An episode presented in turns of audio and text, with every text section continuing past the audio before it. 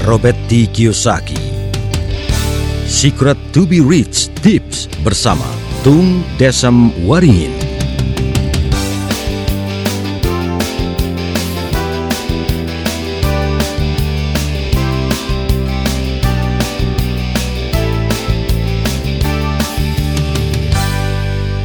Tips ke-10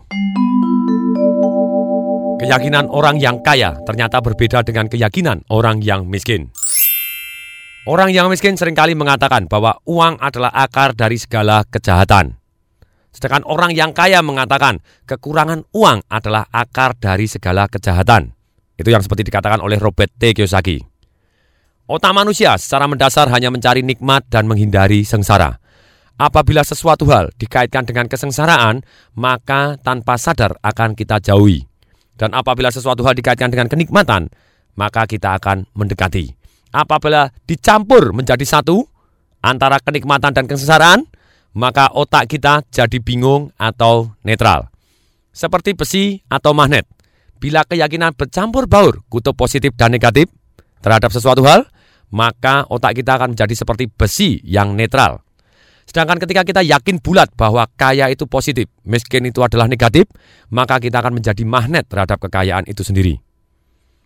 Pada kenyataannya, banyak orang yang tidak pernah menyusun keyakinannya secara sadar dari lahir sampai mati. Dan bila kita tidak menyusun sendiri secara sadar keyakinan yang kita perlukan untuk menjadi kaya, seperti kita terjajah tanpa sadar oleh kata-kata. Uang adalah akar dari segala kejahatan. Maka tanpa sadar pula kita tidak menjadi kaya karena kita tidak ingin menjadi jahat. Saran saya, mari kita susun ulang lagi keyakinan kita, sedemikian sehingga susunan kata kita tentang uang ataupun tentang kaya bulat bahwa kaya dan banyak uang itu baik adanya. Contoh merubah keyakinan.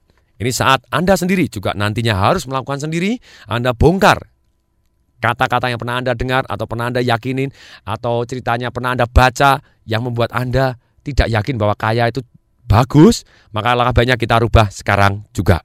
Contohnya keyakinan lama, uang tidak dibawa mati, keyakinan baru. Uang yang banyak bisa menolong orang yang hampir mati. Betul, uang memang tidak dibawa mati. Makanya jauh lebih baik meninggalkan warisan yang banyak daripada tidak meninggalkan apa-apa atau bahkan meninggalkan hutang. Misalnya keyakinan lama Anda ngomong, uang tidak bisa membeli cinta. Betul, uang tidak bisa membeli cinta, apalagi kalau tidak punya uang sama sekali. Nah, kita harus rubah keyakinan-keyakinan negatif ini menjadi keyakinan yang baru yang bermanfaat. Betul, uang tidak bisa membeli cinta, tapi cinta saya akan jauh lebih indah bila uang saya banyak.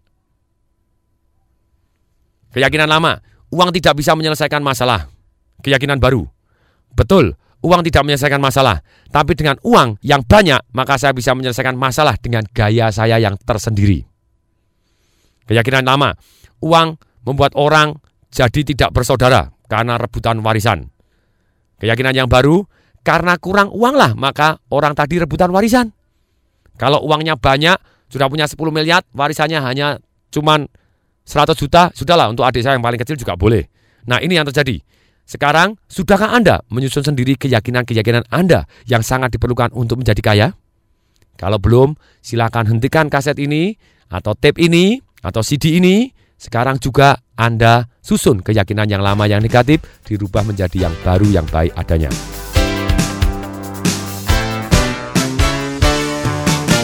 Demikian, semoga bermanfaat. Saya Tung Desem Waringin mengucapkan salam dahsyat.